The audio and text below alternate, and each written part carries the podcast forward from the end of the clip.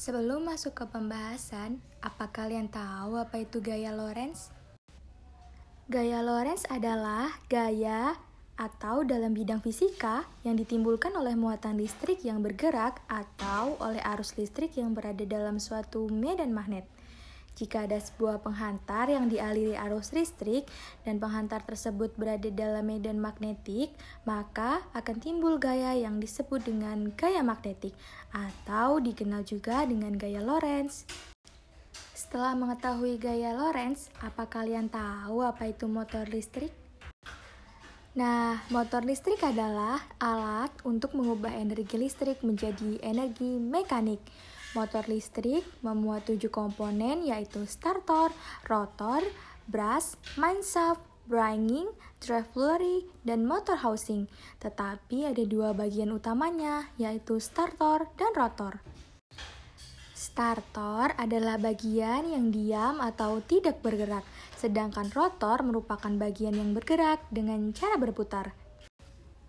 Sumber tegangan motor listrik ada dua, yaitu arus bolak-balik atau AC yang bekerja dengan sumber tegangan listrik bolak-balik dan sumber tegangan arus searah atau DC yang bekerja dengan sumber tegangan listrik searah. Setelah mengetahui apa itu gaya Lorentz dan motor listrik, apa sih hubungan motor listrik dengan gaya Lorentz? Motor listrik bekerja mengikuti prinsip gaya Lorentz Motor listrik DC digunakan pada arus listrik searah yang kemudian diubah menjadi energi gerak, di mana energi ini menciptakan gerak rotasi pada kumparan atau rotor sehingga menciptakan gaya Lorentz. Untuk mengetahui dan menghitung besar gaya Lorentz pada suatu muatan listrik dapat digunakan rumus sebagai berikut. Gaya Lorentz sama dengan muatan listrik dikali kecepatan partikel dikali besaran induksi magnet dikali sudut antara arah kecepatan partikel dan besaran induksi magnet. Lalu, ke mana sih arah gaya Lorentz itu? Nah, misalnya pada suatu benda konduktor atau penghantar atau bisa disebut dengan kawat yang diletakkan dalam dua medan magnet, magnet tersebut memiliki dua kutub yang berbeda, yaitu kutub selatan dan kutub utara. Jika kawat diberi alus listrik, maka pada kawat tersebut akan timbul gaya Lorentz yang dapat menggerakkannya atau membengkokkannya. Arah gerak atau bengkokan kawat akan mengikuti arah gaya Lorentz. Lalu, apa sih fungsi kipas angin di sini? Kipas angin dipergunakan untuk menghasilkan angin.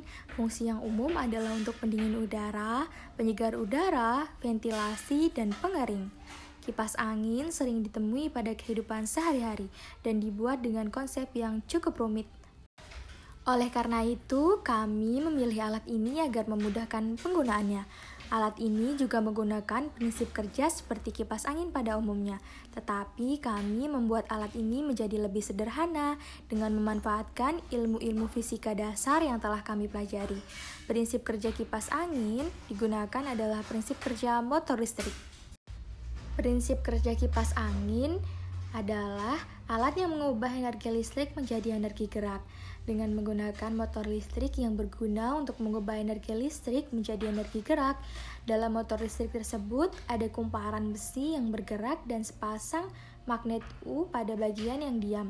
Saat listrik mengalir pada lilitan kawat dalam kumparan besi, peristiwa ini mengubah kumparan besi menjadi magnet.